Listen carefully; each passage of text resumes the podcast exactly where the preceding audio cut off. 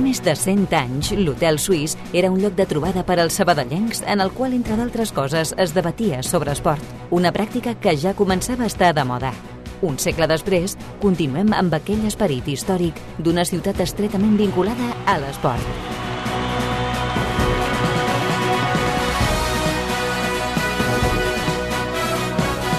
Hotel Suís, amb Adriana Arroyo.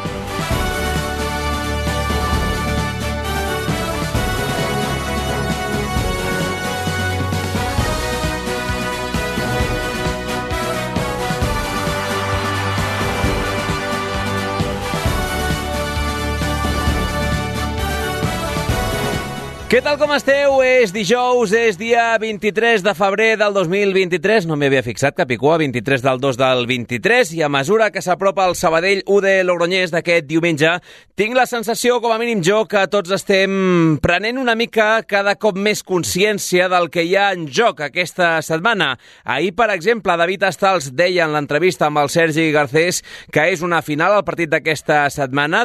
Tampoc es tracta de caure en etiquetes, en tòpics de si és una final, de si no ho és, i allò que és tan avorrit d'anar comentant-ho cada dos per tres, però el que queda clar és que el Sabadell té un deute amb l'afició veient el rendiment d'aquesta temporada a casa i, per tant, com diu Pau Resta, toca corregir-lo per sumar la que seria tot just la cinquena victòria de la temporada a casa. Tenim una oportunitat a casa també, no? que se'ns estan pues, escapant les victòries i, i és important no? que amb la nostra afició doncs, ens ajudi i doncs, podem sumar aquests tres punts que sí que tens raó que, que, bueno, que ens farien també encara estar més tranquils, tot i que no considero tampoc que sigui una final, però, però bé, és un partit que a casa no, no se'ns pot escapar i que, que hem de sumar els tres punts. Insisteixo que tampoc es tracta de saber si és o no és una final, sinó de guanyar-la. I un dels últims en arribar, el porter Adrià Hortolà, també ha fet una crida a l'afició per redreçar el rumb aquest diumenge a la nova Creu Alta.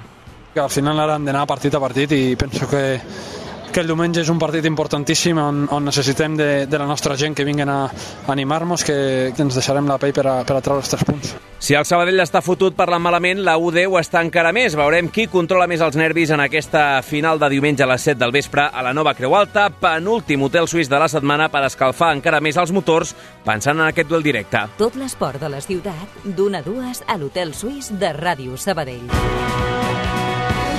Ens posem en marxa amb el Toni González a les vies de so. Què passa fora de l'hotel en un minut? Per exemple, que el Barcelona juga aquesta nit la continuïtat a l'Europa League. L'equip de Xavi visita el Manchester United a partir de les 9, després del 2 a 2 al Camp Nou. El Terrassenc tindrà les baixes de Pedri i Dembélé per lesió i de Gavi per sanció. Abans, a 3 quarts de 7 a Indoven, PSV Sevilla, amb 3 a 0 pels andalusos al partit del Pizjuán. A la Champions ahir, el City va empatar 1 a 1 al camp de Leipzig, l'Inter va guanyar 1 a 0 al Porto amb un gol a les acaballes de Lukaku. Primer dia de proves avui a la Fórmula 1 a Bahrein, a una setmana de l'inici del Mundial en el mateix escenari escenari. Carlos Sainz ha sortit al circuit des dels primers minuts, mentre Fernando Alonso ho farà a la tarda. El Barça d'handbol assegura la primera plaça del grup de la Champions amb la seva victòria 35-25 contra el Pic Zeget. El sabadellenc Aleix Gómez va contribuir a la victòria ahir amb dos gols. I l'Esperoni Girona jugarà el passi als quarts de final de l'Eurolliga de bàsquet femení en l'última jornada de la fase de grups de Salamanca, a la pista del Perfumeries Avenida. Ahir derrota gironina a la pròrroga 73-75 a Fontejau davant del Mersin. A l'Eurocopa també derrota catalana contra un rival turc. El Cadí la Seu va perdre 61-86 davant el Galatasaray i haurà de remuntar 25 punts a Istanbul si vol passar a semifinals. Som-hi, va, amb el sumari.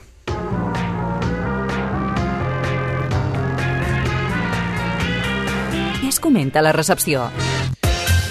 Tindrem d'aquí a 10 minutets a Guillem Molina en roda de premsa la nova Creu Alta. També passarem per Logroño per segon dia consecutiu. Tindrem Òscar Trigo parlant del seu nou càrrec de seleccionador portuguès de bàsquet en cadira de rodes o les estadístiques espectaculars del sabadellenc Dani Fernández a l'Stuttgart d'handbol. L'actualitat de la primera ref. El Calahorra presenta avui a les 8 del vespre els actes del seu centenari. A més, Jordi Ortega, migcampista, és nou fitxatge de la SD Logroñés, és a dir, del Logroñés que no és rival del Sabadell aquesta setmana, arriba procedent del Recre i és ex del Talavera, el Melilla, el mateix Calahorra o el Córdoba, entre d'altres. La primera ref ha destacat el moment de forma del pitxitxi de la categoria, d'Eneco Jauregui, de la Morevieta.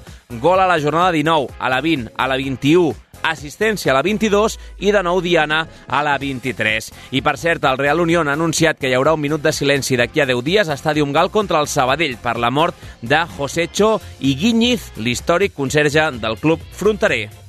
La notícia curiosa. No em preocupen les carreteres, em preocupa el fred que passaran els ciclistes, deia l'organització do Gran Camino a la televisió gallega aquest matí a la sortida de la primera etapa des de Lugo. No hi ha neu i, per tant, no s'ha escurçat el recorregut d'aquest primer dia, però avui Raül Rota i David de la Cruz estan passant fred de valent.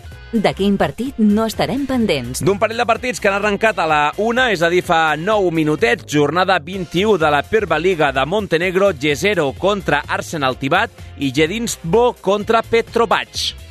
I a les xarxes socials. En el ja esmentat partit del Barça d'handbol contra el Pic Zeguet, 150 graciencs a les graderies del Palau, com deia l'Oar en una història a Instagram ahir al vespre. A més, Estals i Alberto van visitar també ahir els infantils del Sabadell a Olímpia. Ho veiem a l'Instagram del futbol base arlequinat. I parlant d'Instagram, la resposta de Juan Micarrión a Moja Keita en una publicació del senegalès. 99% de màgia, 1% de gol, deia l'andalús a les respostes, evidentment, suposo, en broma. Avui celebra el seu aniversari. I acabem felicitant a qui s'asseurà a la banqueta arlequinada aquest diumenge contra la U de Logroñés. Avui és l'aniversari del segon tècnic arlequinat de Gerard Bofill. Hotel Suís, de dilluns a divendres, a Ràdio Sabadell.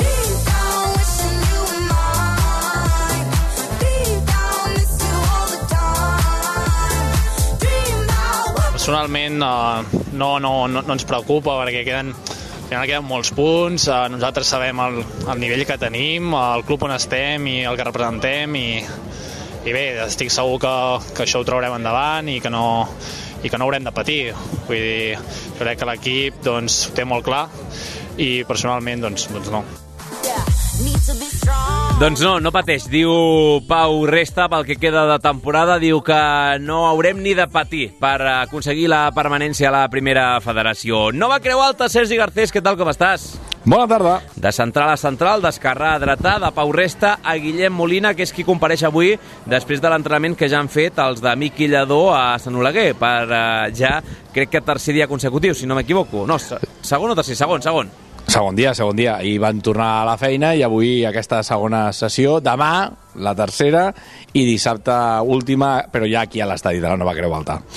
Anem en hora, no anem en hora, en teoria en 4 minuts ha de començar la roda de premsa. Mira, el protagonista hi és per aquí, de fet m'ha semblat que era ell el que estava buscant els de responsables de comunicació, que els tenim reunits, per tant, no sé si avui l'impàs d'espera serà provocat per això o no, o anirem en hora, però mentrestant t'explico coses. D'entrada, que tenim el míster, a banda de sancionat, uh, gripós i que avui ha pogut uh, dirigir la sessió preparatòria però que ara fa una estona i no feia massa bona cara. Uh, ha marxat ràpid, de fet ha marxat quan la resta de l'expedició tot just començava a aterrar per aquí per l'estadi de la Nova Creu Alta. Em refereixo evidentment a Miqui Lledó. I per altra banda, com comentaves a l'inici de l'Hotel Suís, que tenim el que serà primer entrenador mínim Adri en els dos pròxims compromisos, tant el d'aquest eh, cap de setmana com el de la setmana que ve a Estadium Gal davant el Real Unión, a Gerard Bufill, d'aniversari, 31 anys, avui bufant espelmes i repartint crusanets per aquí, per les instal·lacions de la Nova Creu Alta, entre jugadors, staff tècnic, treballadors del club, ha ofert, evidentment, també a la premsa. Per ah, tant, avui... Ha, ha caigut algun cruzanet, eh? No ha caigut, Però perquè caurà. veníem ja amb la feina feta, però no feia mala pinta, eh? Ja t'ho dic ara, m'he quedat amb les ganes d'endur-me un parell per berenar. Doncs uh, mira, uh, t'enduries aquí un bon mos, un tastet de celebració d'aquest aniversari. Jo tenia més noms per aquí previstos, Sergi, no sé si tenim alguna cosa uh, clara o no de cara a aquest cap de setmana, i també fins i tot, ara que com comentaves el tema de la sanció, dels dos partits com a mínim, etc, no hi ha cap novetat de moment que sapiguem encara de, del tema de la conseqüència de les declaracions de l'estrip en roda de premsa de, de Miqui Lledó, oi? No, novetat oficial com a tal no, que l'expedient eh, està obert, que l'expedient està en aquest cas eh, en marxa, però com diem, no sabem encara, si més no, no oficialment, eh, i en aquest cas he de dir que tampoc oficiosament, que ni, per exemple, se li hagi demanat a Miquillador algun tipus de delegació als possibles, o en aquest cas, al, possible sanció que li pugui imposar al comitè de, de competició. Per tant, que l'expedient sí que està en marxa, obert, i a l'espera de tots els timings que s'hagin de, de complir, en aquest cas, amb una sanció més que previsible i que només resta a l'espera, Adri, de saber doncs, el mateix que ara fa uns dies, no? Si serà de mínims, si serà d'intermitja, si serà de màxims, bé, en aquest barem entre els 4 a 12, en aquest eh, ventall que va de 4 a 12 possibles partits, doncs veure també quin és el càstig final, quina és la sanció final que li cau al tècnic Sant Cuatenc del Sabadell. Mentre et mous pels budells de la nova Creu Alta, la sala de premsa Miguel Quereda, d'aquí a no gaire, de parlar Guillem Molina, més noms propis que tenia per aquí. Uh, recordem, Pau Víctor reapareixerà, si no hi ha res estrany, després de complir un partit de sanció, es perd pel mateix motiu per la sanció Alberto al partit d'aquesta setmana. Com tenim a Toman, com tenim a Sergi Garcia, en quin punt es troben els que estaven a la infermeria? Doncs no hem pogut veure cap dels dos. No han arribat amb la resta del grup. No sé si en aquest cas eh, esperant o és que han vingut abans al igual que Miki o és que directament avui s'han quedat també fora de, de la resta del grup. Mira, ja baixa Guillem Molina, per tant anem baixant nosaltres els últims esglaons i entrant ja en aquesta sala de premsa Miguel Quereda on en qüestió de segons Quin clàssic treure l'aire calent de Uf, la teva cara, eh, directament. Noi. Sí, sí, és que... sé el que és, sé el que és. Un xarrampió agafarà ràpid aquí. Vinga, va, som que hi som tots. Doncs en breu, Molina, vestit d'entrenament, fins i tot encara amb les xancles, eh, allò... Sí, hola Guillem, bona tarda. Ah, volia preguntar per la situació que té l'equip ara mateix a la classificació i des de l'experiència molt recent de la temporada passada que tu també vas viure, si em pots eh, situar, si és que n'hi ha similituds i diferències de, de, de com veus la, la, la realitat actual a com la teníem ara fa un any aproximadament. Bueno, potser una de les diferències era doncs, que sobretot la plantilla l'any passat era una plantilla per, a, per estar dalt de tot i, i bueno, eh, amb aquest tram de, de la temporada també estaven amb la, amb la mateixa situació similar a la que estem ara. I bueno, jo crec que era això, que era, els objectius eren diferents però, però jo crec que el passet que vam fer l'any passat també el podem fer aquest any. Sí, eh, el partit de diumenge si ens concentrem només en aquest partit tothom parla de final. Tothom parla de final. De, de, de la situació del que arriba al per la situació del rival si es fa impensable que pugui estar tantes setmanes sense guanyar com analitzem fa més por així? No, no, al revés jo crec que, que ens ha de motivar més no? primer per, per, perquè el Logroñés està per sota nostra no? i és una oportunitat de, de, de despenjar-nos d'ells i l'altra per la necessitat que té l'equip de guanyar jo crec que, que és una motivació molt gran eh, l'oportunitat que tenim el, el, aquest cap de setmana per, per guanyar el Logroñés. Després d'aquest últim partit, no sé com ho heu viscut aquesta setmana. Com s'ha viscut aquesta setmana, aquests dies, després del missatge del míster i amb l'ambient? Bueno, el tema del míster jo crec que ja eh, el, el Sabadell va fer un comunicat dient que, que, bueno, que s'havia equivocat amb les paraules que, que havia dit a la roda de premsa i a partir d'aquí nosaltres eh, hem començat la setmana eh, com hem començat totes amb, amb normalitat i, i enfocant-nos en el partit del cap de setmana Sí, has dit que vosaltres penseu en, en, en la vostra part, però una mica en la línia o arrel del que preguntava el, el Pere, eh, incideixo, no? el fet que, que sigui un equip que porta tantes setmanes, no sé si fa aquell puntet de por de dir, bé, això, tirant de tòpic, està cada cop més a prop de que, de que trenqui aquesta dinàmica, a veure si serem nosaltres ara. Bueno, això depèn de com ho vegis. Jo crec que ho hem de mirar d'una altra manera, no? de, de, de veure que bueno, és un equip que, que té aquesta necessitat, però que, que, bueno, que també els pot perjudicar amb ell a l'hora de dir, hòstia, que, que, que ens toca guanyar, que ens toca treure punts, i nosaltres hem de tindre aquesta tranquil·litat de dir, de dir hòstia, anem a guanyar el partit, juguem a casa Eh, bueno, també he vist que, que el club ha posat entrades a partir de, de 5 euros, que jo crec que, que, que vol dir que vol que l'afició vingui a, a apoyar-nos perquè òbviament és un partit molt important per naltros i, i com ja et dic, per naltros és un partit eh, molt important per, pel fet aquest perquè és un equip que ara mateix eh, està a la zona on estem naltros i, i que ens pot ajudar a tirar cap dalt. En aquest tipus de situacions, quan falta encara, que ara podem parlar del tram final de la, de la temporada, però es comença a notar una mica aquesta...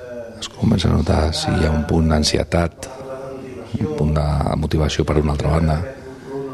El run-run sí, també traspassa vestidor. Eh, L'any passat jo crec que, que ja ho vam viure, no? que, que, bueno, que pràcticament cada partit era una final per això, pel, pel motiu que, que està tot molt ajustat no? i que cada partit necessites punts per, per, per tirar endavant. Llavors, doncs, bueno, eh, jo crec que cada partit eh, fins al final de temporada serà molt important. Sí, ja us pregunto pel rival, no sé què ens pots dir. Pregunta pel rival, què en saben de l'UDL? Si ja tenen algun informe al voltant de, del conjunt de la Rioja. De, de la UDL, òbviament, és que, és que és un equip que a nivell individual té jugadors molt bons, és un equip que, que està fet per, per estar dalt, no és així, nosaltres també doncs, hem, pogut, hem pogut veure els, els punts febles que tenen i els punts forts que, que tenen també i bueno, eh, a partir d'aquí nosaltres hem entrenat eh, segons el seu eh, estil de joc i la seva formació i tal i, i nosaltres doncs, bueno, tenim molt, les coses molt clares pel cap de setmana. Sé que queden partits, però no sé si això també es va mirant, tant de bo que al final no, no sigui això imprescindible, però parlant de, de barajos particulars, és evident que és una situació complicada. No sé si tens el record una miqueta d'aquella contundència en un partit mm, on l'equip realment, sobretot a la primera meitat, no va acabar d'estar de, del, del tot encertat, i, i va, es va veure superat clarament per la UDL ja sé que ha passat molt temps, eh, però es va veure clarament superat llavors per aquell equip. Sí, també és, bueno, també sabent que ja vam jugar contra ells també hem mirat una mica no, els errors que vam fer en aquell partit i una mica el plantejament. També els últims partits que han vingut fent ells també els, els hem analitzat i a partir d'aquí doncs, hem tret conclusions per, per poder entrenar eh, aquests aspectes durant la setmana. Títol més personal, eh, aquesta temporada he jugat de central, però també no sé pregunta una miqueta per la seva dualitat de central i lateral dret la seva posició natural de central, però com es troba? Sí, sí, jo crec que, que, bueno, que és una posició que em puc adaptar molt bé, que, que no és una posició que m'agafi de noves, que ja en altres situacions ja he jugat. Sí que és veritat que sempre he jugat per, per la falta de jugadors que igual hi havia en aquella posició i jo que tinc la capacitat d'adaptar-me he acabat allà i bueno, eh, ja et dic jo, jo crec que, que puc, puc jugar a diferents eh, posicions i, i bueno, sempre intento complir no? I em recupero un missatge del Miqui, després de l'últim partit que havia a casa contra el València, que deia que el Sabadell a la revolta havia de fer un pas. El Sabadell ha de fer un pas i sobretot a casa Quan veurem un pas endavant veurem aquest pas endavant aquesta setmana vertical, més agressiu, més valent, Bueno, jo crec que estic d'acord amb, el, amb el missatge no, de, del, del Miqui perquè sí que és veritat que, que ostres, quan tu vas a jugar fora eh, pues es nota no, que estàs jugant fora, que els equips a casa apreten i jo crec que potser és una assignatura pendent que tenim, no? Eh, pues que quan juguem a casa que es noti que realment eh, estem a casa, no només apretem nosaltres, també l'afició, que, sigui, que, que, que sigui una cosa conjunta, no? que, que, que ens ajudi a, a tirar el partit endavant i, i sobretot que es noti que, que estem jugant a casa. Jo vull fer una última eh, arrel d'aquesta situació que, que es viurà i que malauradament molts temem que no serà només de dos partits, que és l'absència del, del Miqui a peu de camp, no durant la setmana, i amb les setmanes que portes treballant amb, amb ell, què pot aportar el Gerard, en aquest cas eh, com a cap visible a, a peu de camp? Bueno, pues el Gerard eh, durant el dia a dia ja és, eh, bueno, intervé molt durant l'entrenament, és una persona que està eh, molt al damunt i jo crec que, que bueno, eh, davant de l'ausència de Miqui tindrem el Gerard i jo crec que té la, la capacitat de, de suplir-lo. jo l'última volia referir una mica a dos exjugadors Dos exjugadors, en aquest cas. de vestidor, com són Xavi Boniquet i més recentment Eudal Vergés. Boniquet i Eudal Vergés, que vindran a l'estadi. El cas de l'Eudal Vergés amb la circumstància que aquest any ja va ser company.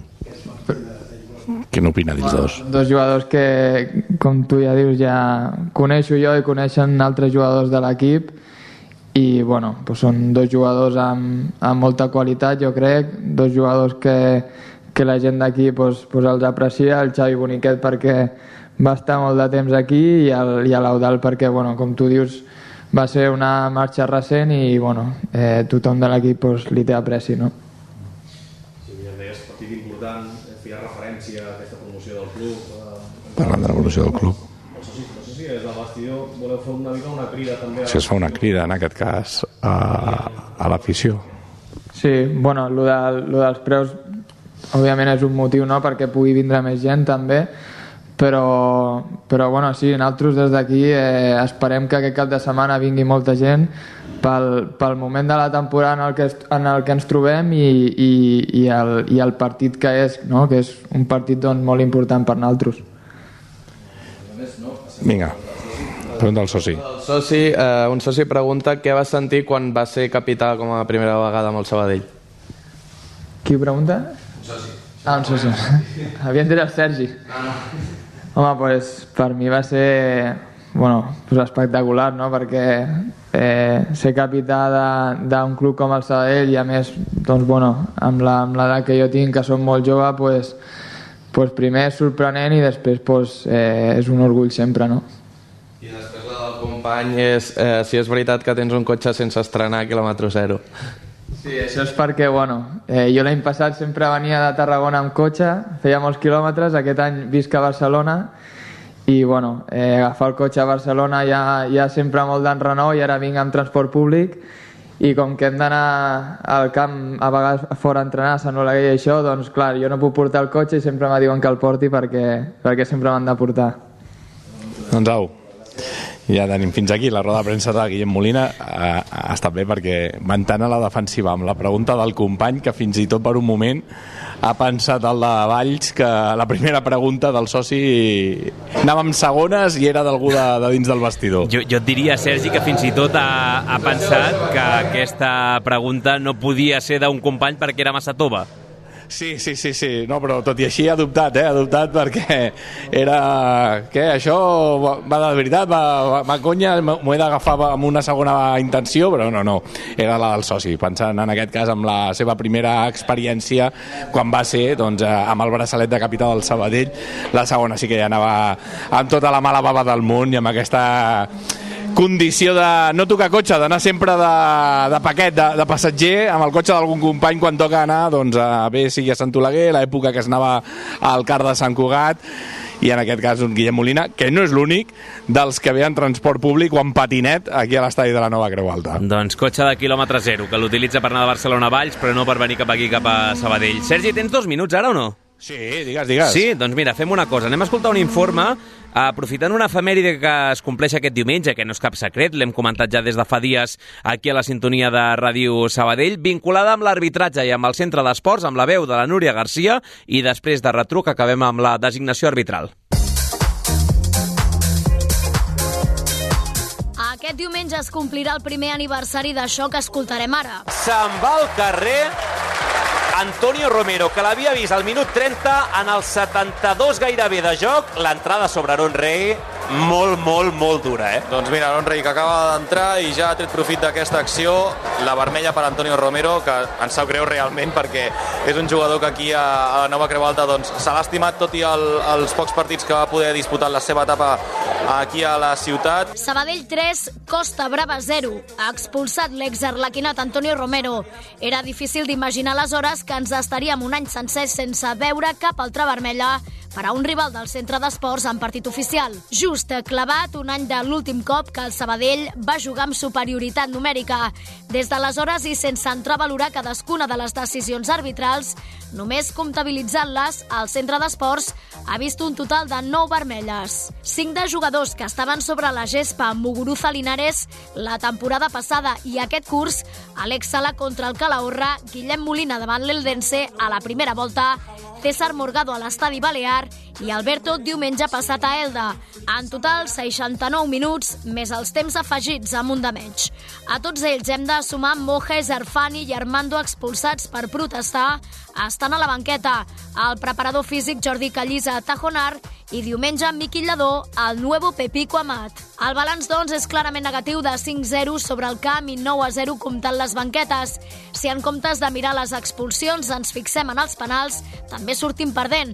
Ja ho deia Miqui Lledó diumenge en l'estrip que va fer en el postpartit d'Elda. A excepción del partido del Barça, de equipos catalanes contra catalanes, no nos han pitado ningún, ningún otro penalti, perdón, sí en, en Soria.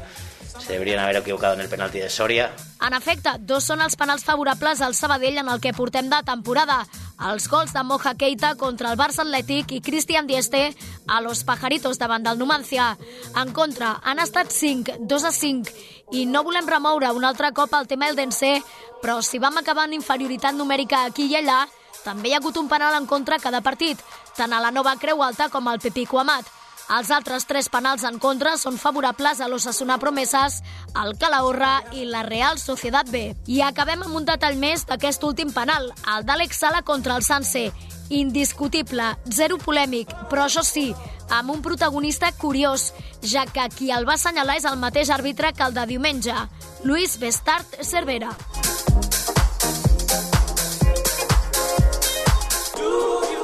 Com deia la Núria, això sense valorar cadascuna de les jugades, que caldria mirar-les amb lupa, les que sí que s'han assenyalat, les que no, etc. Però com a mínim, en quant a xifres així fredes, tal qual, Sergi, són 5 expulsions per cap del rival de jugadors que estan en el terreny de joc, 9 a 0 si contem també les banquetes, i en el capítol de penals d'aquesta temporada, 2 a favor, 5 en contra. En el cas dels penals no és tan flagrant, tot i que també eh, la diferència al 0-9 em sembla espectacular. També em sembla espectacular aquest 5-4, eh? 5, 5 expulsions al camp, 4 a la banqueta. a la banqueta, no? Ei, les 4 de la banqueta no parlen gaire bé de nosaltres, però bé, com a mínim, ja et dic, aquest 9 a 0 sí que em sembla molt, molt, molt significatiu, sense buscar-li més raons, i com deies tu, segurament, si ara anéssim a, a, a recordar-les fil per randa, igual ens adonaríem que són 9 expulsions més que correctes, però en tot cas, sorprèn, sorprèn. I simplement per rematar-ho, Sergi, avui hi ha hagut designació arbitral, com deia la Núria ara també, Luis Bestar Cervera, Balear, serà l'encarregat de xular aquest Sabadell U de Logroñés, tres precedents com a àrbitre principal, els tres a la nova Creu Alta, això sí, amb dues derrotes i només una victòria, el novembre del 19, 2 a 1 contra l'Egea, després l'any passat 0 a 1 amb el gol de Tassende pel Villarreal B, i enguany, el mes de novembre, l'1 a 2, el dia que Gabri, eh, sense esmentar-lo, però dispara cap a Alex Sala, per com va entrar en el partit i per aquest penal precisament que comentàvem ara contra el filial de la Real Societat. Si vols afegir-li un precedent més, el gener del 17 va ser segon assistent. Va estar a la banda de lateral en un Sabadell un Saguntino un. Per tant, quatre temporades a la categoria de bronze, un àrbitre sense l'experiència dels últims, però vaja, que ja hem vist a més d'una ocasió. Sergi. Sí, que ja passa per aquí, per l'estadi de la Nova Creu Alta, com dius. No em vull acomiadar sense respondre a la pregunta d'abans de la roda de premsa, que hem fet la feina, i així, vinga, va, deixa'm que em pengi medalleta. Uh, a Tuman, aquesta setmana completament descartat, de fet eh, no ha fet res amb el grup i està treballant directament al gimnàs, i en el cas de Sergi Garcia, entrenament eh, normal i complet amb la resta de companys. Només cal veure si serà molt precipitat o no després d'aquestes 3-4 setmanes, tiro de memòria, eh? tu em corregiràs si no, que el Sabadellenc no, no, ha, no ha jugat, si serà un pèl precipitat pensar en ell en un hipotètic 11 titular per rebre, doncs, això, l'UDL, la Unió Deportiva Logroñés, aquest diumenge aquí a l'estadi de la Nova Creu Alta. Doncs Sergi Garcia a disposició de, de Miqui Lledó, ha jugat 15 partits aquesta temporada al Sabadellenc, l'últim dels quals va ser el 22 de gener. Per tant, estem parlant ja de més d'un mes fora de combat, del futbolista de ex de l'Albacete, de la Nucía, etc etc. Ara sí, no ens deixem res, no, Sergi? Tot enllestit per aquí, ja no queda ni gairebé el que tanca l'estadi. Doncs vinga, va, que marxem cap a Logroño. Fins ara! Fins ara! Escolta el programa quan tu vulguis al podcast de l'Hotel Suís. Si ahir parlàvem, saludàvem a Eudal Vergés, exarlequinat a la UD, avui passem de nou per Logroño per saber una mica més d'aquesta ratxa tan negativa, nefasta de l'equip de la Rioja. Sergio Moreno, compañero de Gol en las Gaunas. Mira que me gusta eso, ¿eh? mira que suena a, clásico radiofónico eso de Gol en las Gaunas. ¿Qué tal, cómo estás, Sergio? Hola, muy buenas. Pues eh, la verdad que viviendo una situación tremenda en la Unión Deportiva Logroñés, ¿no? Por inesperada y porque no se ve que, que esté cerca de tocar fondo. Es decir, estamos, no sé por dónde empezarte en cuanto a la racha de este equipo que tiene unos 3 millones de euros en la primera plantilla y que no está funcionando. Más allá de los 15 partidos sin ganar de forma consecutiva, más allá del cambio de entrenador de Alberto Aguilar con Nacho González, eh, que ascendió con el Reus, que ascendió con el Alavés, con un currículum en Zaragoza o Málaga importante. Más allá de todo eso, en las últimas seis jornadas no ha sido capaz de hacer ningún gol a su favor y es un equipo que está ahora mismo a seis puntos de lograr la permanencia. Por tanto, la crisis es profundísima, no da la sensación de que se haya tocado fondo y además a, irá a la nueva Creo Alta con muchísimas bajas, sobre todo en defensa. Gonzalo Cretat, portero titular indiscutible, eh, eh, será baja por lesión. Eh, Sergi López y Arregui, el lateral derecho y el central titulares van a ser baja por sanción. Cristian, el otro central, es baja por lesión. Y teniendo en cuenta que en el partido de esta semana, en las Gaunas, eh, atipó eh, lateral izquierdo firmado en, en enero y el central David Fernández fueron sustituidos al descanso por su bajo rendimiento, pues podemos decir que en defensa llega en cuadro y en lo ofensivo en una situación muy mala porque mm, además de no marcar es que prácticamente no genera oportunidades. Poco gol en las gaunas, por lo tanto en las últimas semanas haciendo la broma fácil. Eh, claro, Nacho debutó en el banquillo de la UD un 27 de noviembre, no ha ganado ni un partido aún como entrenador de la UD Logroñés, siete empates y cinco derrotas y esta racha que decías de seis partidos seguidos sin, sin marcar. No sé cómo bajan las aguas por allí, ya no solo en cuanto al equipo, en cuanto a la plantilla, sino respecto a la figura del entrenador. ¿Está en entredicho, no o cómo está?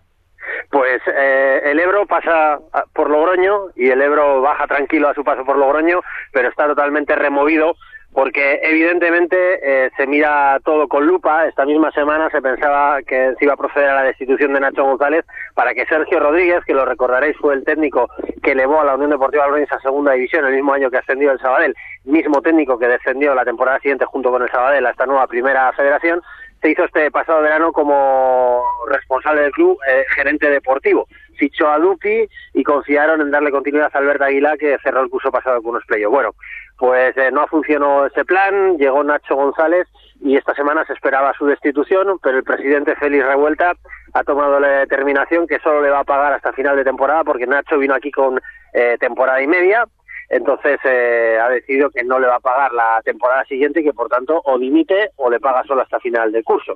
Por tanto, Nacho dice sentirse fuerte, Sergio no es capaz de resolver esa situación con el presidente y el presidente dice que solo paga hasta final de temporada la destitución del técnico. Por tanto, la situación es complicada, la afición está realmente enfadada, la decepción es enorme y el problema es gravísimo porque la Unión Deportiva en Segunda Federación es un paso importante en lo social y en lo deportivo tremendo, teniendo en cuenta que está a punto de estrenar una ciudad deportiva de 7 millones de euros. Pues vaya panorama. Eh, te pregunto por las consecuencias de lo que podría pasar este domingo, ya no en el banquillo, sino que al final si, si la UD eh, pierde aquí en Sabadell, se queda a 8 puntos ya del conjunto arlequinado. No diré la última, pero no sé si en Logroño se ve como casi la penúltima bala para poder engancharse al tren de la permanencia es la primera gran final por la permanencia y sobre todo si no gana, que es la sensación que con la que se vive este partido en los días previos aquí en Logroño, en el ataúd del descenso de esta temporada ya dos clavos, no ganar el Sabadell sería la tercera punta en ese ataúd y sería después cuestión de tiempo de que este equipo descendiera a segunda federación de forma totalmente inesperada, porque insistimos, ¿eh? es una inversión de 3 millones de euros con futbolistas como Vinicius Tanque, Ricardo Sute, Carlos Doncel, Turdín Tior, en fin, futbolistas muy importantes que están dando un nivel ínfimo, futbolistas como Markel Lozano, que el curso pasado jugó 30 partidos en segunda división en la Morelleta. En fin, que es incomprensible lo que está pasando, eh, muchas salidas nocturnas, poco rendimiento sobre el terreno de juego, muchas críticas, y el equipo, teniendo en cuenta los precedentes más recientes, no está para competir. Cayó en Lezama 3-0, perdió ante el Alcoyano en las Gaunas 1-0, eh, 0-1 por una mano de Markel Lozano. En fin, que la sensación es que es cuestión de tiempo. Te pregunto también en lo futbolístico, porque eh, lo numérico es una evidencia, pero vosotros que seguís más de cerca el, equipo, eh, ¿qué podemos esperar de la Unión Deportiva este domingo aquí en Sabadell? ¿Qué perfil de equipo es? ¿Un, un equipo que quiere proponer con balón o un equipo que se siente más cómodo sin él? ¿Qué tenemos que esperar de la UD este domingo aquí?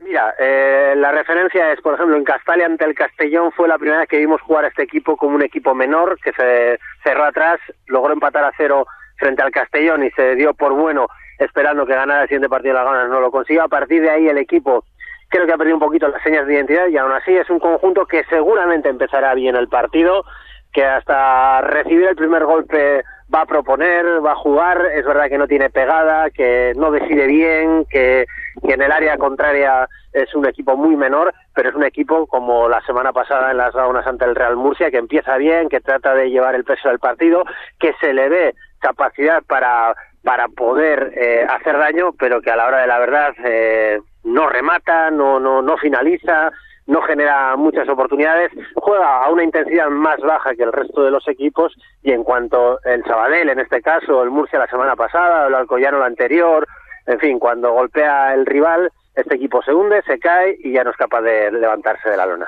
Y la última, Sergio, tenemos a varios exarlequinados por allí, a Xavi Buniquet, que empezó la temporada lesionado, acaba de llegar hace un mes y poco Eudal Vergés. ¿Qué impresiones han dejado hasta ahora? Pues Xavi Boniquet, eh, la gente pedía que se le diera la baja en el mercado de invierno. Eh, la dirección deportiva Dupi confía mucho en Xavi Boniquet, un futbolista que por ejemplo eh, jugó muy bien contra el Albacete en Copa del Rey, eh, porque este equipo pasó esa ronda de Copa del Rey, eh, jugó bien contra la Real, pero realmente cuando se enfrenta a equipos de su categoría, lo bien es cierto que Xavi Boniquet está en un rendimiento tremendamente bajo, no ha propuesto nada en toda la temporada, y Eudal es un futbolista que le hemos visto poco, que le costó hacerse un hueco en el 11 por la presencia del capitán Iñaki en ese lateral izquierdo, ha jugado los dos últimos partidos y es verdad que se ve un futbolista con capacidad para ayudar al equipo en ese lateral izquierdo. El problema es que el resto del equipo no le ayuda a él. Pues Sergio Moreno, compañero de Gol en las Gaunas, que te agradecemos esta radiografía que nos has hecho desde allí. Un abrazo, cuídate mucho. Un abrazo, chao, adeu. Tot l'esport de la ciutat, d'una a dues a l'Hotel Suís de Ràdio Sabadell.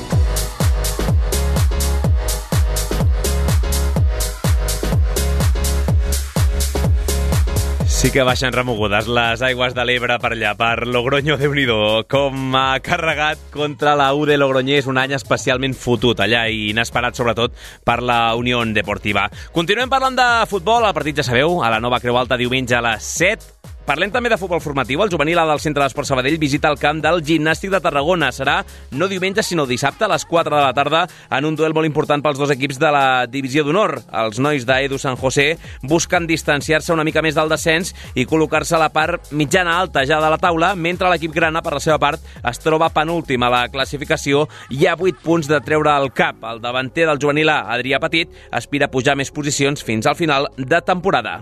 No, nosaltres estem centrats en, en aconseguir alguna més, en, en acabar el més a dalt possible la taula i, i seguirem lluitant per això setmana rere setmana. Així que tranquils no podem estar cap, cap setmana. Dissabte a les 4, a la Pobla de Mafumet, aquest Nàstic Sabadell de la Divisió d'Honor Juvenil. Baixem un graó a la Lliga Nacional Juvenil, torna la competició després de l'aturada per Carnaval. El juvenil B del Sabadell jugarà a Cerdanyola, també dissabte, a un quart de cinc, en un duel en què l'equip de Conrad Garcia buscarà retrobar-se amb la victòria després de dos partits seguits sense guanyar, mentre que el conjunt verd es troba a un punt de les posicions de salvació. El jugador del juvenil B, Izan Otero, avisa del perill que té el conjunt sardanyolenc aquest cap. Y en Sardañola sabemos muy bien eh, lo que es capaz ese equipo y más en su campo, que ahí cada equipo se hace más fuerte de lo que es. Y nada, es, será un partido muy difícil porque ellos tienen el hambre ese de tener que ganar para salir de, de esa zona más, más baja, pero, pero hay que afrontar cada partido como si fuese la final I a la mateixa categoria canviem, això sí, Olímpia pel Joan Murtró per a Raona Marinals. El Club Esportiu Mercantil defensa plaça d'ascens amb la visita al Martinenc, un rival situat a la zona tranquil·la del grup. L'heroi blaugrana de fa un parell de setmanes en la victòria al Camp del Lleida. Gerard Torres explica les ganes que tenen de tornar a guanyar a casa. La veritat és que perdre contra Girona a casa doncs, va ser una mica sorpresa perquè no havíem perdut ningú partit a casa. La veritat és que se'ns està donant bastant bé i bueno, Martinenc al final és, és un juvenilat, és jugador de tercer any i mai pot subestimar a ningú rival. Doncs eh, no volen infravalorar l'equip del Guinardó a Raona Marinal. Recordem, diumenge a dos quarts de cinc de la tarda començarà l'enfrontament al Joan Mortró a Raona Marinals. Publicitat i a la tornada marxem, ni que sigui radiofònicament, fins a Portugal per descobrir la nova aventura d'Òscar Trigo fins fa ben poquet, el seleccionador estatal de bàsquet en cadira de rodes i que ara fa les maletes, tot i que continuarà vivint aquí a Sabadell, però per encapçalar el projecte de la selecció portuguesa de bàsquet en cadira de rodes.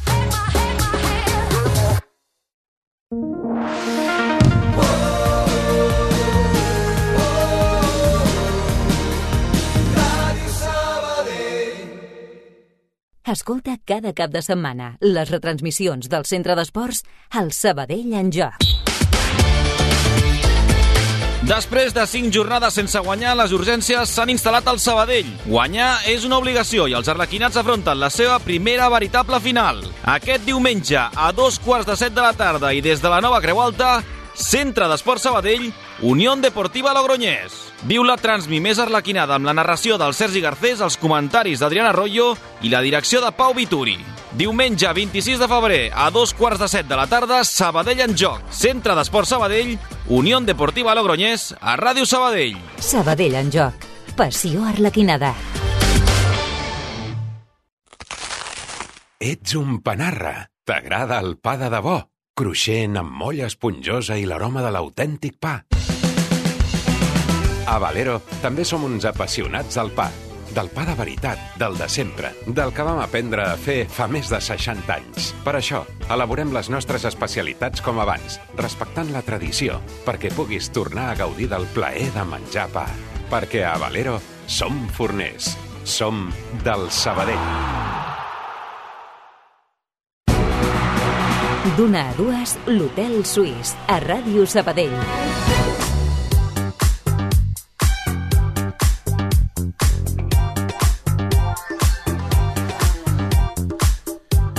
Tres quarts de dos d'aquest dijous, dia 23 de febrer. Obrim bloc poliesportiu, com dèiem abans de la publicitat. Òscar Trigo és el nou seleccionador portuguès de bàsquet en cadira de rodes. L'entrenador sabadellenc fa les maletes amb l'objectiu d'igualar, que no és poc, les fites que va assolir com a tècnic del combinat espanyol, a més en dues etapes diferents. Un dels nostres estudiants en pràctiques, el Guillem Llorenç, ha preparat aquest reportatge del nou repte que té entre mans Trigo.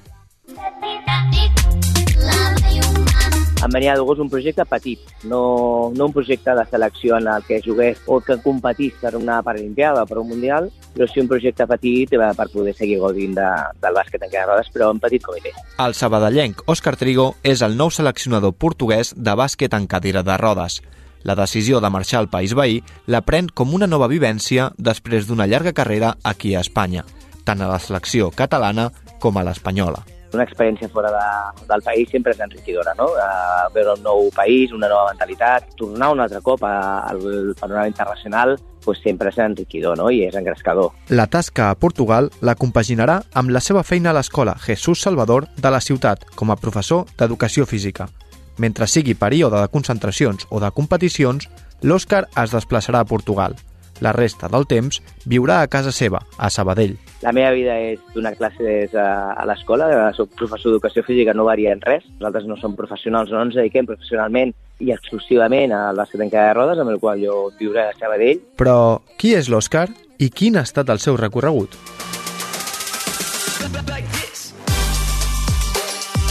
Des de ben petit ha estat aficionat a l'esport i això el va portar a graduar-se a l'Institut Nacional d'Educació Física i completar un màster en el rendiment esportiu de la mà del COE. Va ser voluntari als Jocs Paralímpics de Barcelona 92 en un preludi del que acabaria sent la seva trajectòria. El seu interès pel bàsquet en cadira a rodes creix i el 2002 es fa càrrec de l'equip de l'Hospital Goodman Futbol Club Barcelona. Després de l'aventura culer, va fer el salt a la selecció catalana – compaginant la seva feina com a professor d'educació física. Als 36 anys, la Federació Espanyola d'Esports de Persones amb Discapacitat Física pica la seva porta per encomanar-li les regnes de l'equip nacional de bàsquet. Va estar-s'hi fins al 2014 i el sabadellenc va dur la selecció a uns mundials i uns jocs 16 anys després. A més, va guanyar dos bronzes europeus, un quart lloc al Mundial d'Incheon 2014 i diploma a Londres. Després d'haver estat un temps el responsable de la comissió de l'àrea de seleccions de bàsquet en cadira de rodes, torna a posar-se al capdavant del combinat estatal al 2017. En aquesta segona etapa, sobresurt el paper a Tòquio 2020, finalitzant quarts després de caure a semifinals contra el campió paralímpic, els Estats Units, i en la lluita pel tercer lloc davant Gran Bretanya. A més de tot això, durant molts anys, aquí, a Sabadell, ha liderat el projecte del Sant Nicolau I i del Global Bàsquet després, arribant a competir per tot Espanya a la segona màxima categoria del bàsquet en cadira de rodes. Quero mais. Ara, Trigo té un nou repte per endavant. La Federació Portuguesa ha valorat aquest currículum encomanant-li un projecte que aspira a augmentar el nivell de la selecció lusitana per poder ser més competitius. La presidenta de la Federació Portuguesa es posa en contacte amb mi perquè bueno, es poden fer un canvi radical en la direcció tècnica de, de la selecció portuguesa, engega un procés de selecció per, per buscar la persona ideal. La selecció portuguesa és el nivell C, tres graons per sota del combinat espanyol, de la mà d'Òscar Trigo es va col·locar en el màxim nivell de seleccions paralímpiques. L'objectiu del tècnic sabadellenc és repetir el camí en Portugal. La primera competició que disputarà serà el Campionat Europeu C al mes de juliol. Trigo confia en els seus nous deixebles. Sobre la taula un projecte maco, un projecte de renovació de selecció, un projecte d'intentar augmentar el nivell de, de la selecció per arribar a un objectiu competitiu més alt. No és un tema d'on està la competició, sinó la projecció que tenen com a equip. No? És un equip eh, que és jove, és, és un equip que s'està renovant, és un equip que té joves valors i, com sempre dic, eh, amb talent i treball i medis per aconseguir el treball que vols, eh, pots augmentar el nivell competitiu de l'equip. L'Òscar té ara al davant un repte emocionant. Com dirien en portuguès, boa viagem e boa sorte.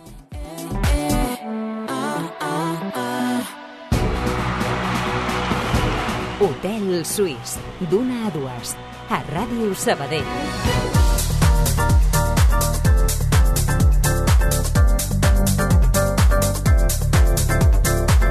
Tota la sort del món per l'Òscar amb aquesta nova aventura al país veí, a Portugal, compaginat, evidentment, amb la seva feina aquí a la ciutat de Sabadell.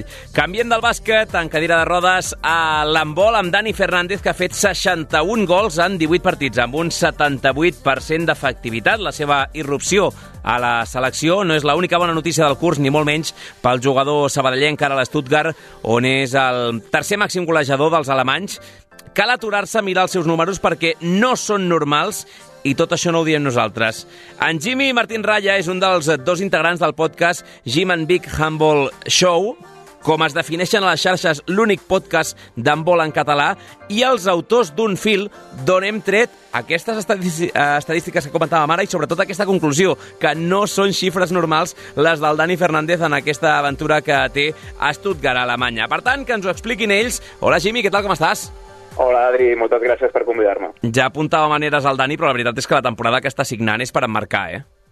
I, vaja, i sobretot per un debutant, crec jo, i per un debutant de, de 21 anys en, en la millor lliga del món, i, vaja, va fer una temporada fantàstica l'any passat a Cangas, però és que el salt de jugar a Cangas, que sí que va ser l'equip revelació de, de la Lliga Sobal, però d'aquí a la Bundesliga, mm, diguem que jo crec que hi ha dos o fins i tot tres escalons, no? Llavors, mm, veure el rendiment, o sobretot veure el rendiment dels últims mesos, eh, doncs és que, és que és molt bo, sincerament, és que és molt bo, són uns números espectaculars. Com deies tu, 21 anys, debutant a la Bundesliga alemanya, però és que eh, agafant les xifres que publicàveu en aquest fil, que la veritat recomano a través de, de Twitter, és que està al nivell de les estrelles més destacades. Sí, és que, de fet, diguem que en el seu lloc específic, no, en, en l'extrem, allò que, que, que prima, el més important, un extrem, el que li demanes és que tingui efectivitat, no? Són els llançaments segurament més complicats, amb menys angle, i, i diguem que el percentatge seria aquella dada que sempre miraríem, miraríem primer d'un extrem, i és que, per exemple, té un millor percentatge que, que un Emil Jacobsen, no? que és, que és un, el titular de la selecció danesa, vigent tricampiona del món, que és cert que és un jugador que, que assumeix més llançaments que ell en volum, però en el percentatge eh, estan iguals i molts dels jugadors que, que té per davant, eh, amb millor percentatge, doncs és que només n'hi ha tres en tota la Bundesliga.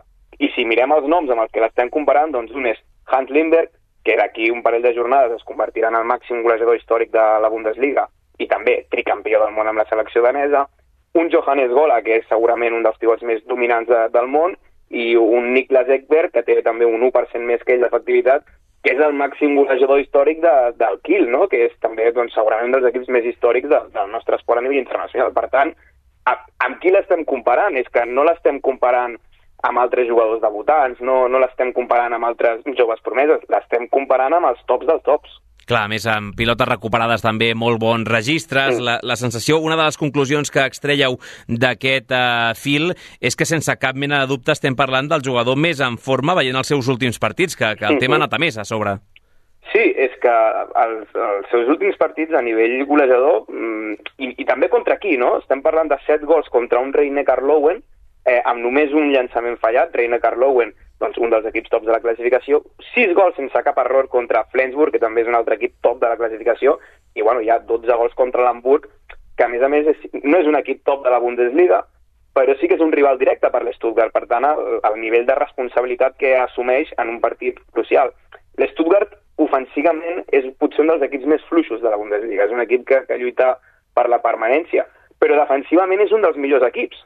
Viu, diguem, de la seva defensa, i llavors veure que dins d'un equip no? on la defensa és, diguem, la base del seu joc, i ell és un dels jugadors que més pilotes recupera, això diguem que també és un, un signe de, de, del defensor espanyol o, o, o català, també ho és Aleix Gómez, per citar un altre de Sabadell, no? eh, doncs té un pes específic en defensa, com a recuperador de pilotes, i a més a més, en allò on van més escassos, en, en l'atac, eh, ell com a extrem no té facilitat per generar-se els seus llançaments, va, això va amb el lloc específic, no és culpa seva, però aquells que li arriben les fica, per tant els dona moltíssima vida a l'Stuttgart en atac. Tenim bona genètica aquí, ho parlàvem l'altre dia amb l'Aleix Gómez, entre l'Aleix Gómez, el Dani Fernández i si I li el sumes també l'Ian Tarrafeta, Sí, déu-n'hi-do sí, el que estem aportant al, al panorama català i espanyol. La última, acabo, Jimmy, en el fil també doneu per fet que ara que està l'Stuttgart, com deies, el quart per la cua de la Bundesliga alemanya, és, és el seu primer any a l'estranger, és aquest eh, salt endavant de dos o tres graons que comentaves, però que el més normal, o com a mínim no ens hauria d'estranyar, és que durés també poc, no?, allà a l'Stuttgart, que fes un altre salt endavant si continua així.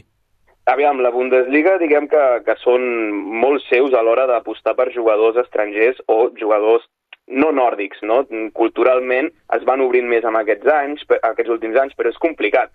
Què passa? Que, que si un pot fer el càlcul molt ràpid, el, em, el Barça va fitxar un extrem suec, Campus Guane, de la, de la Bundesliga, eh, ja veterà, contrastat, però que ha passat ja el seu prime, i el Dani Fernández és format a la cantera de, del Barça. Llavors, no sabem si Alemanya, si, si França, que també té, tenen la majoria d'equips molt més potencial econòmic o no, però vaja, que si a Alemanya culturalment els hi costa apostar per, per jugadors mm, d'aquí, eh, al final algú veurà les xifres i dirà, compte, que m'és igual que sigui alemany que no, que aquest nano ha jugat 5 partits en el passat Mundial i ha guanyat dos MVPs del partit, per tant els hi serà igual que sigui baixet, que, que no sigui d'allà, perquè és molt bo i, i algun lloc acabarà jugant més amunt, ja ho crec. Doncs anirem seguint-lo, a veure on, on para i si continua amb aquests registres espectaculars. Jimmy Martín Raya, del podcast Jim and Big Handball Show. La veritat és que molt recomanable aquest fil de Twitter, el volíem recuperar també aquí en antena i t'agraïm també aquests minuts que has tingut. Una abraçada enorme.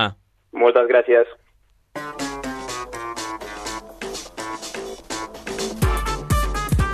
Informacions en format més breu. L'Escola Pia juga aquest vespre a les 8 la quarta ronda de la Copa Catalunya de futbol sala. Els de Pedro Donoso s'enfronten al Castellterçol i ho faran a domicili pel fet de ser de Lliga Superior. De fet, quatre categories separen els uns i els altres amb els del Moianès militant a segona catalana i els escolapis a segona B. En cas de passar ronda, el rival de la Pia sortiria de l'eliminatòria entre el Fundació Terrassa i el Rubí, que també es disputa avui. Recordem que el Natació Sabadell ja va eliminar el Badalonès fa uns dies i que el Ripollet serà el seu pròxim escull a la competició. També té partit aquest vespre Iker Pajares a l'Squash on Fire Open de Washington, un torneig de categoria bronze dins del circuit PSA. El sabadellenc, que ve de proclamar-se recentment campió d'Espanya d'esquash, engega la seva participació al torneig directament als vuitens de final com a vuitè cap de sèrie i el seu rival serà Rui Soares, el portuguès número 54 del món, va remuntar-li ahir dos sets en contra a César Salazar, el mexicà, per poder classificar-se per la cita d'avui, que arrencarà tres quarts de nou, hora d'aquí. En cas de passar ronda, el del tenis Sabadell s'enfrontarà al guanyador del duel entre el hongkonguès Tzwan Lau i l'egipci Josef Ibrahim. I ja mirant el cap de setmana, el primer equip masculí de tenis taula del Natació Sabadell torna a jugar partit de la primera nacional després de descansar. Els nedadors a priori tenen un compromís assequible per defensar el lideratge del grup amb la visita de dissabte a les 5 de la tarda al CUE al Sant Cugat. Luca Kidasheli, jugador de l'equip, no descarta que puguin permetre's el luxe de fer rotacions si les circumstàncies són favorables. Potser que hi hagi rotació, perquè, per exemple, a Madrid, eh, partit contra Fontlabrada, doncs, anàvem 4-1 i vam substituir a Marc Ferruz per l'Àlex i bueno, vam fer la rotació i, i potser que també ho, fessin, ho, ho fem contra Sant Cugat. Un aquí de Shelley, per cert, que ha estat convocat per la selecció espanyola per disputar dues competicions internacionals de categories inferiors. La setmana que ve al World Tennis Table Youth eh, Contender de Villarreal, a Portugal, això sí, no a Castelló, i el mes que ve al World Tennis Table Youth Contender a Polònia. A Vladislavovo, concretament. Demà què?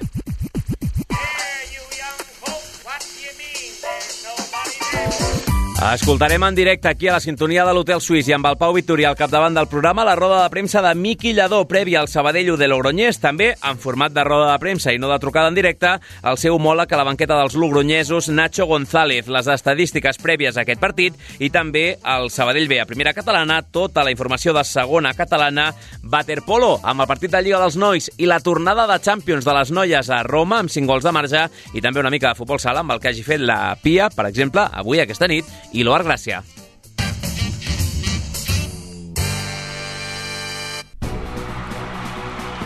Això demà, hem escoltat la porta de fons, significa que entren els companys informatius i ara les notícies amb la Núria Garcia al capdavant de tots ells. Una abraçada des del control de so del Raül Medina, estudiant en pràctiques i també a les vies de so del Toni González. Demà, insisteixo, més puntuals a la cita a la una. Que passeu un bon dijous. Adéu-siau.